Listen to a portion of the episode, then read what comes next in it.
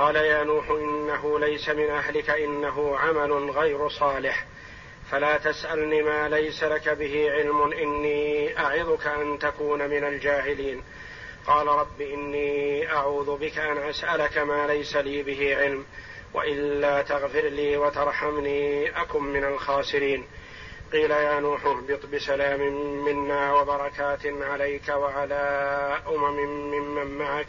وأمم سنمتعهم ثم يمسهم منا عذاب أليم. تلك من أنباء الغيب نوحيها إليك ما كنت تعلمها ما كنت تعلمها أنت ولا قومك من قبل هذا. فاصبر إن العاقبة للمتقين. يقول الله جل وعلا بعدما أخبر سبحانه أنه أهلك الظالمين وأغرقهم وأنجى نوحا ومن آمن به في السفينة التي أمر نوح بصنعها وأن الغرق شمل جميع أهل الأرض. الغرق شمل جميع أهل الأرض إلا من أنجاه الله جل وعلا مع نوح عليه السلام في السفينة. وذلك أن الغرق عم الأرض كلها. ولم ينجو إلا نوح ومن آمن به أنجاهم الله جل وعلا في السفينة.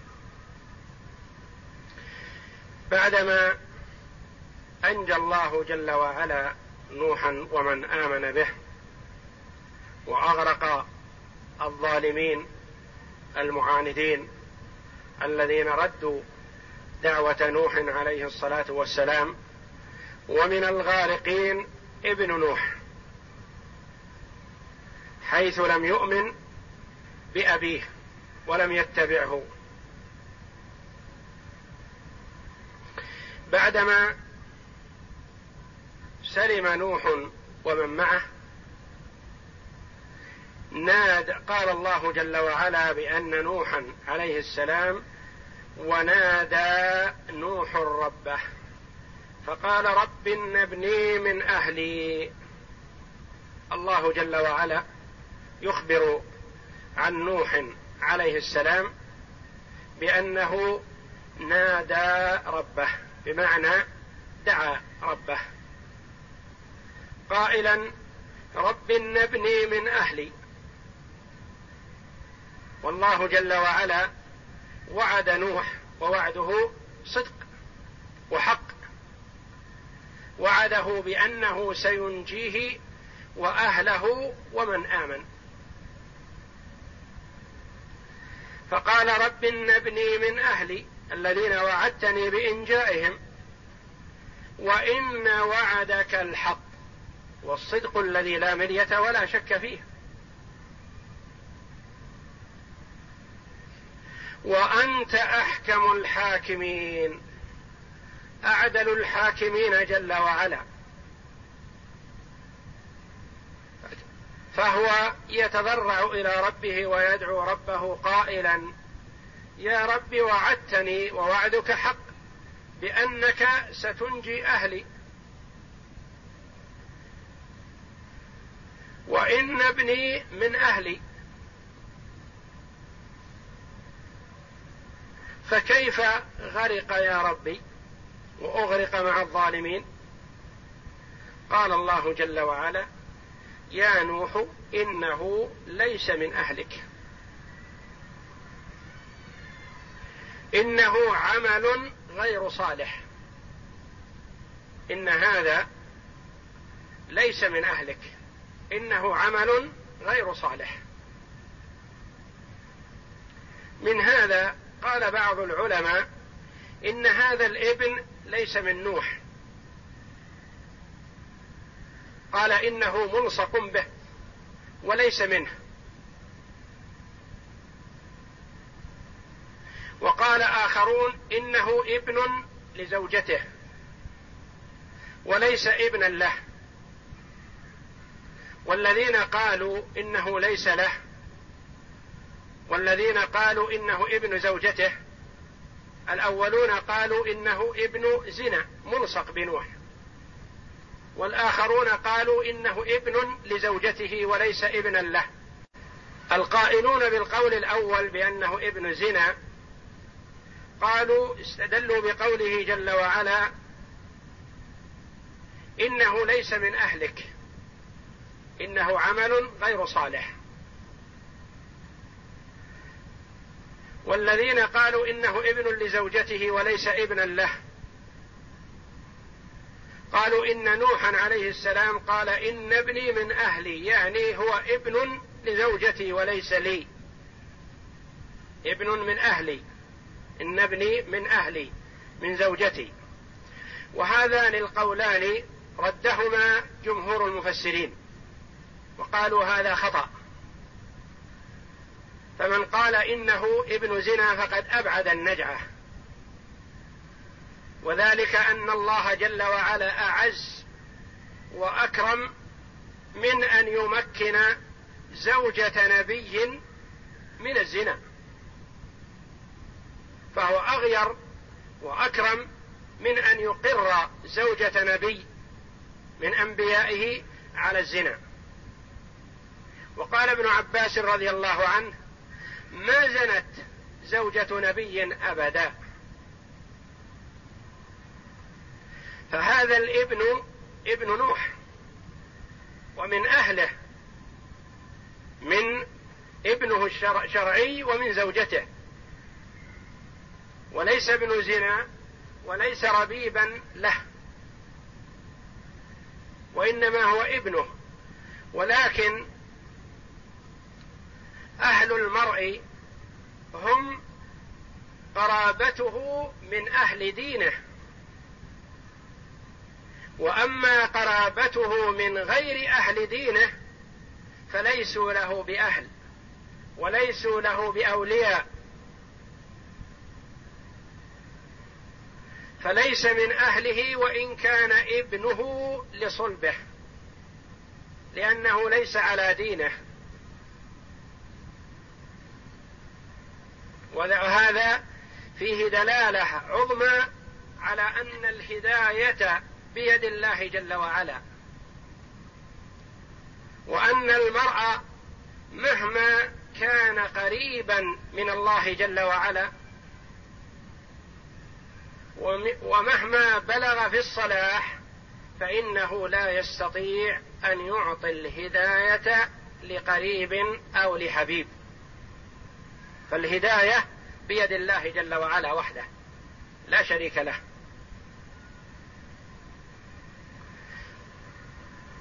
وقوله جل وعلا إنه ليس من أهلك يعني ليس على دينك فهو كافر. والكافر لا يستحق النجاة وإن كان ابن نوح. وقال إنه عمل غير صالح. إنه عمل غير صالح.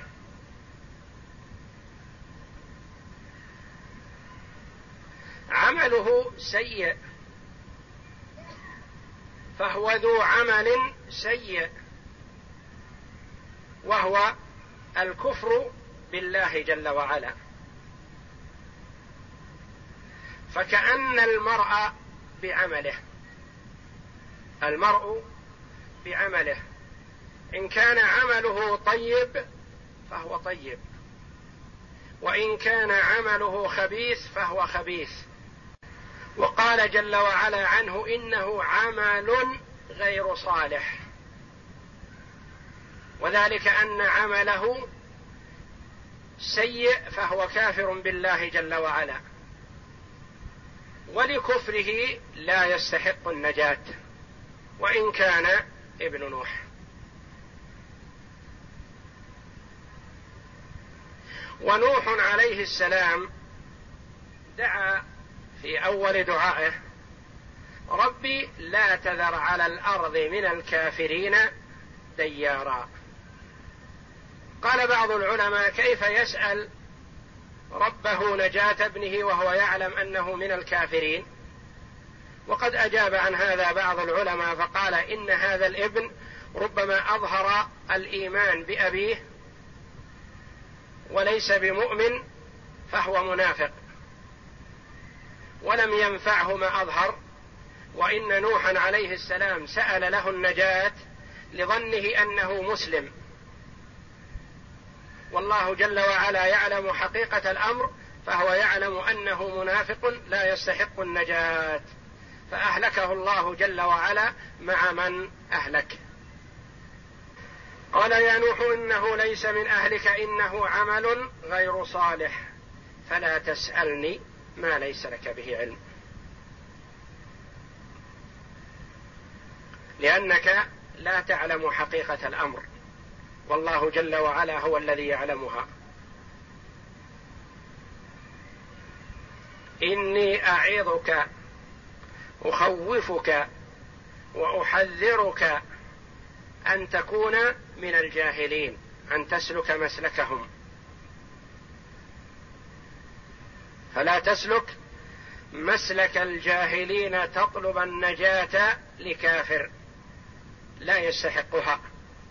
وقد أخبر الله جل وعلا نوحا عليه السلام حينما أمره بأن يحمل في السفينة من كل زوجين اثنين قال وأهلك إلا من سبق عليه القول.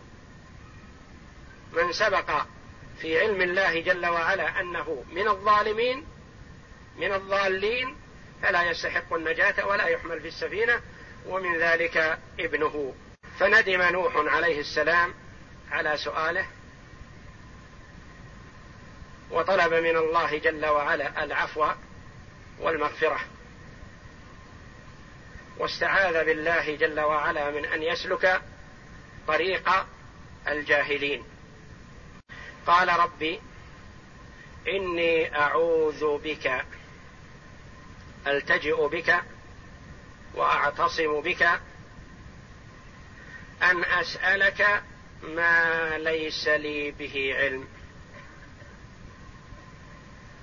ندم منه عليه الصلاة والسلام حيث سأل ربه ما لا ينبغي أن يسأله فاستغفر ربه. وإلا تغفر لي تتجاوز عن سيئاتي وترحمني تشملني برحمتك.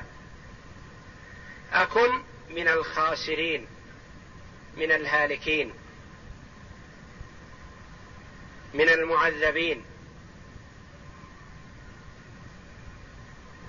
ومن هذا أخذ بعض العلماء أنه لا يجوز للمرء أن يسأل الله جل وعلا ما لا يليق شرعا.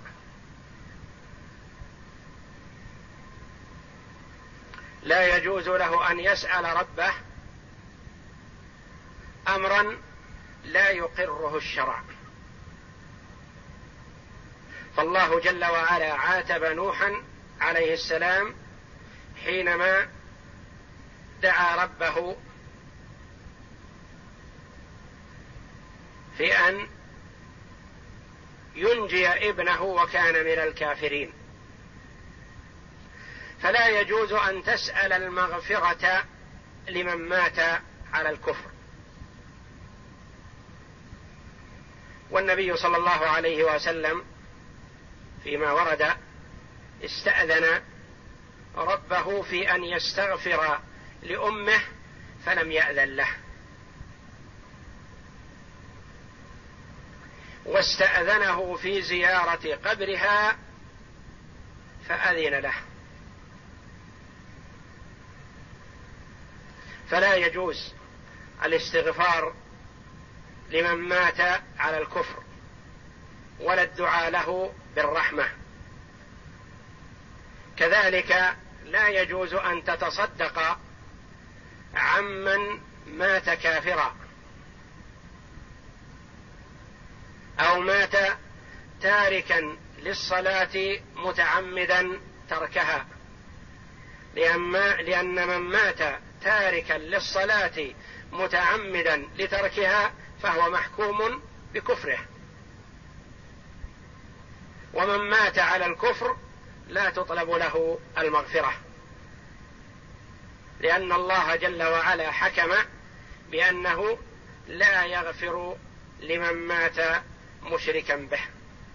قيل يا نوح اهبط بسلام منا. قال الله جل وعلا لنوح اهبط بسلام منا. انزل من السفينة على وجه الأرض. لما أمر الله جل وعلا السماء أن توقف إنزال الماء وأمر الأرض بأن تبلع ما فيها من الماء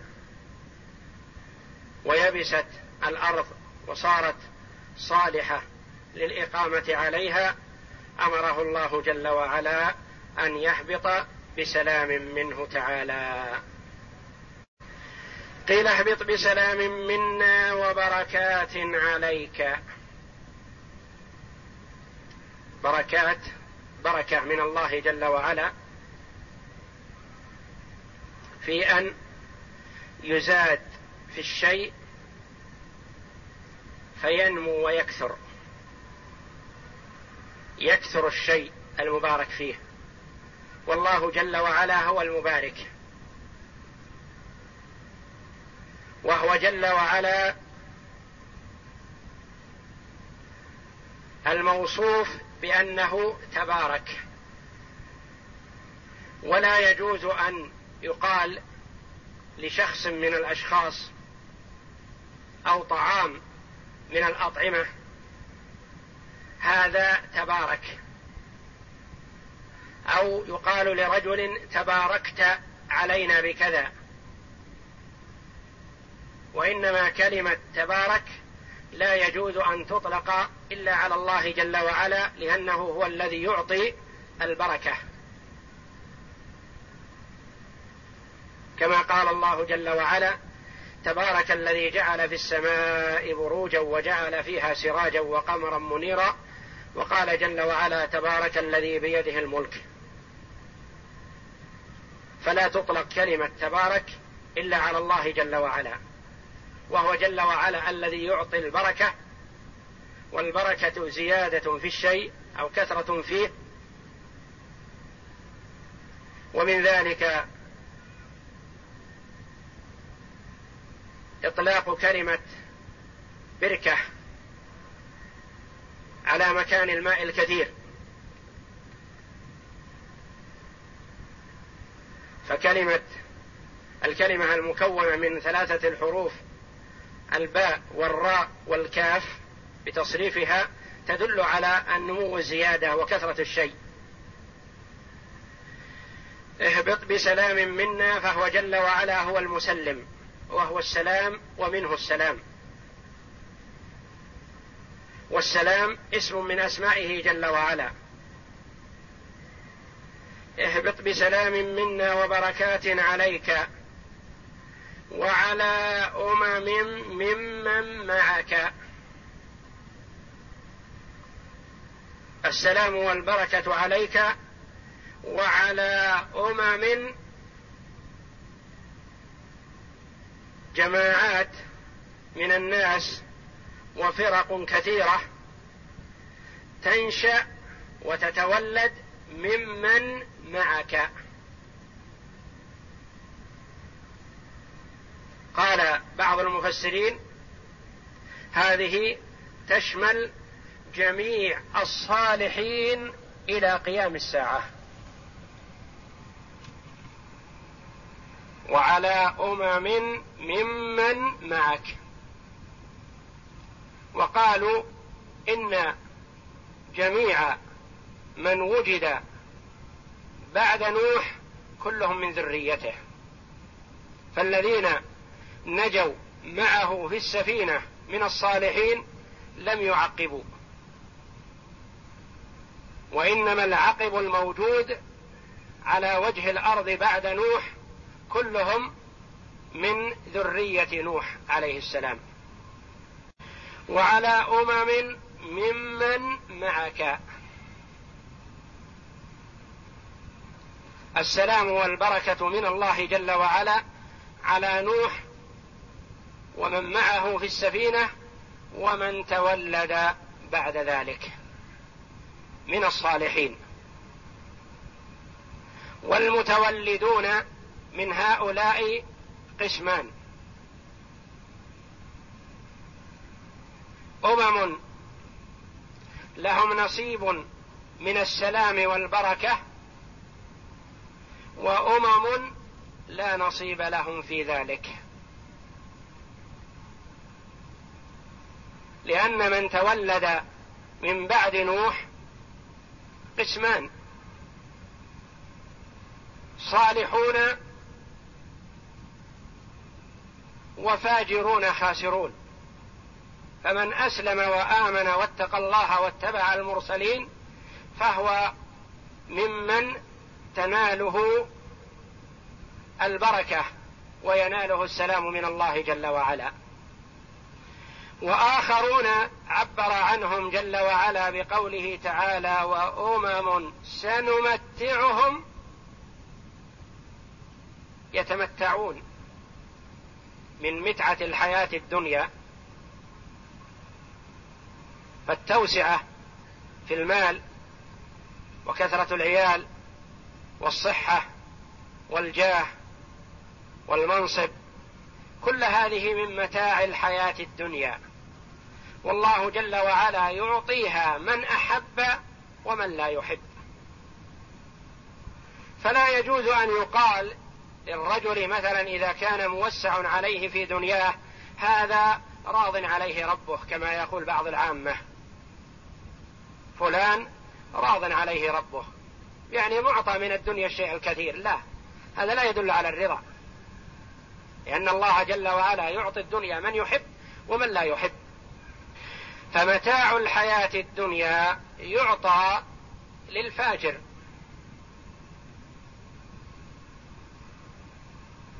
قال وأمم سنمتعهم ثم يمسهم منا عذاب أليم. ثم للتعقيب.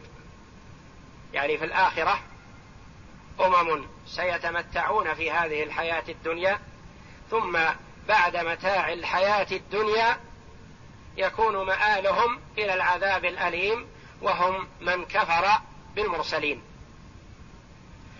وأمم سنمتعهم ثم يمسهم منا عذاب أليم في الدار الآخرة أو في الدنيا والآخرة. فبين جل وعلا أنه يوجد وسيكون من عقب نوح أمم يشملهم السلام والبركة من الله وأمم آخرون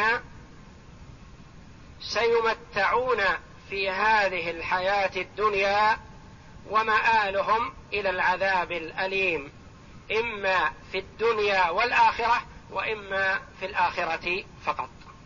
يقول الله جل وعلا تلك من أنباء الغيب يعني هذه القصة العظيمة قصة نوح عليه الصلاة والسلام مع قومه أنباء يعني أخبار.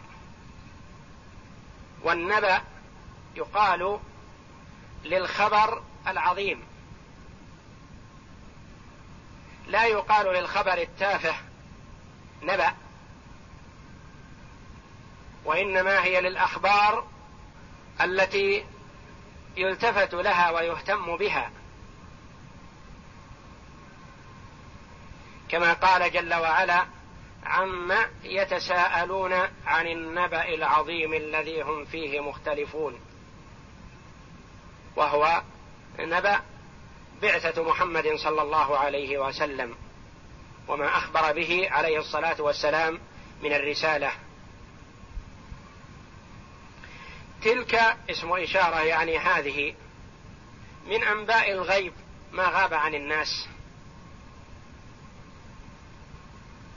فخبر نوح عليه الصلاة والسلام لا يعرفه ولا يدرك حقيقته من بعث فيهم الرسول صلى الله عليه وسلم. وإنما ربما يكون عند بعضهم علم بأن نوح مرسل من الله جل وعلا. نوح رسول من الرسل. لكن لا يدرى ما الذي جرى بينه وبين قومه. من أنباء الغيب نوحيها إليك فهو فهي وحي من الله جل وعلا. ما كنت تعلمها أنت ولا قومك من قبل هذا. ما كنت تعرفها أنت يا محمد. ولا يعرفها قومك الذين بعثت فيهم. وإن عرفوا عرفوا الشيء اليسير الذي هو الشيء العام. والتفصيل لا يدركونه ولا يعرفونه.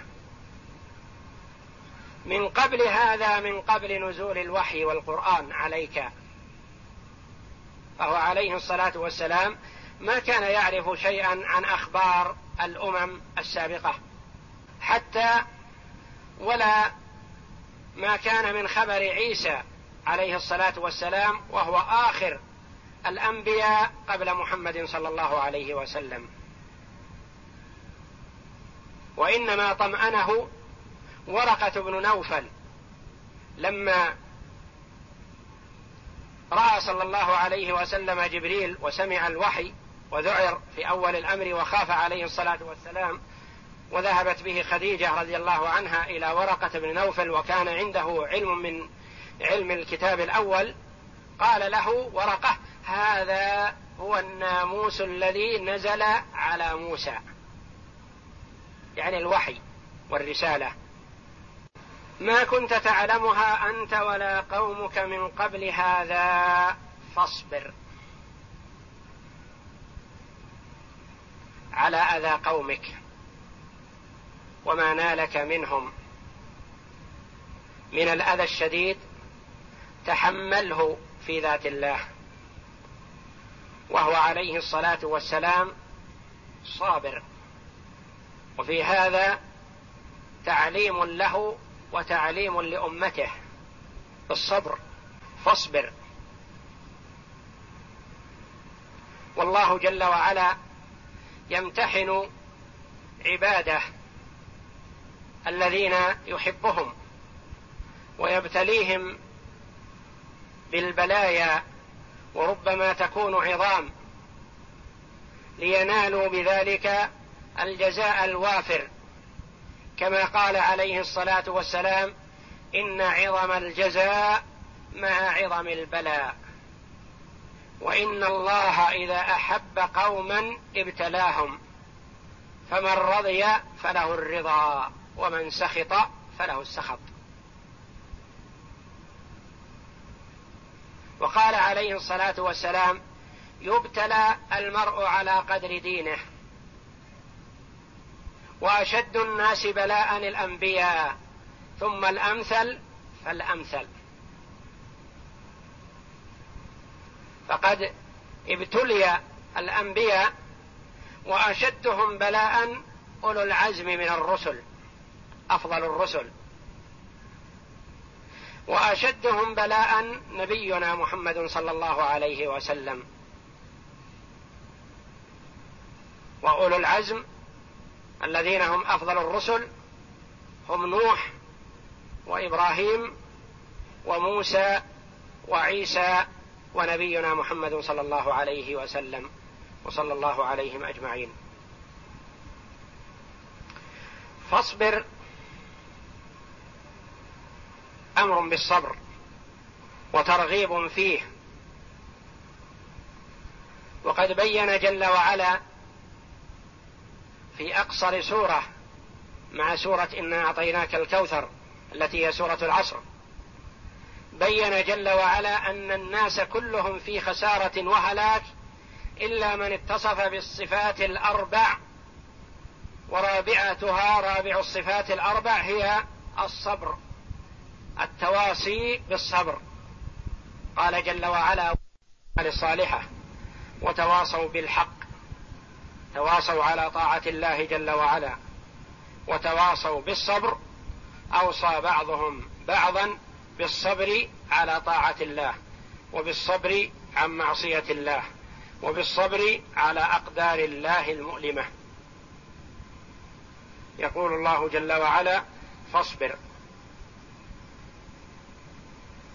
إن العاقبة للمتقين والصبر من صفات المتقين. فاصبر وقوله إن العاقبة للمتقين كالتعليل لما قبلها كأن قائلا قال لم يصبر؟ قال جل وعلا إن العاقبة للمتقين يعني مآل الأمر وعاقبته للمتقين. وهذا وعد من الله جل وعلا وقد أخبر بأنه ينصر عباده ويظهر شأنهم ولا يصح أن يعترض معترض فيقول نرى أن كثيرا من الصالحين قد ابتلوا بالمحن والأذى وقد يحبسون وقد يضربون وقد يؤذون من أجل دينهم وإيمانهم بالله والله جل وعلا قال إن العاقبة للمتقين ووعد بنصر اوليائه لم لا يحصل النصر لهؤلاء. نقول وعد الله حق وصدق ولا بد أن يحصل ولكنه جل وعلا يبتلي عباده ليرى رأي عين يستحقون عليه الثواب يرى جل وعلا من يصبر ويتحمل ومن يجزع فيتوقف أو يرجع على عقبيه. يروق له الإسلام والإيمان إذا كان معززا مكرما. أما إذا مسه شيء من الأذى رجع ونكص على عقبيه وترك الدين كحال المنافقين. فالمنافقون يعلنون الإسلام ويظهرونه إذا كان أهله أقوياء. وإذا وجد ضعف في المسلمين اظهروا الكفر. والمؤمن قوي في دينه صلب في ذات الله مهما ناله من الأذى والعاقبة له بإذن الله. فالله جل وعلا لا يخزي أولياءه. لا بد أن يظهر شأنهم ويجعل العاقبة لهم. حتى ولو قتلوا ولو أوذوا ولو حبسوا فالعاقبة للمتقين. وعد من الله جل وعلا محقق لا محالة. وقد يبتلى المؤمنون بشيء من أنواع المصائب لينالوا بذلك الأجر بالصبر والثبات عليه. فما أوذي أحد في ذات الله أكثر مما أوذي نبينا محمد صلى الله عليه وسلم. ولذا كان عليه الصلاة والسلام بصبره وتحمله وجهاده في ذات الله أفضل خلق الله جل وعلا. فلا ي... قد لا يطيق مخلوق ما أطاقه عليه الصلاة والسلام من الصبر. ما تحمله من الصبر وما أطاقه من الأذى عليه الصلاة والسلام. فاصبر إن العاقبة للمتقين. أمر له صلى الله عليه وسلم ولأمته من بعده بالصبر وبشارة بأن العاقبة له. ولمن اتقى الله جل وعلا من عباده من يوم أن هبط آدم إلى الأرض إلى أن يرث الله الأرض ومن عليها وهو خير الوارثين. والله أعلم. وصلى الله وسلم وبارك على عبده ورسول نبينا محمد وعلى آله وصحبه.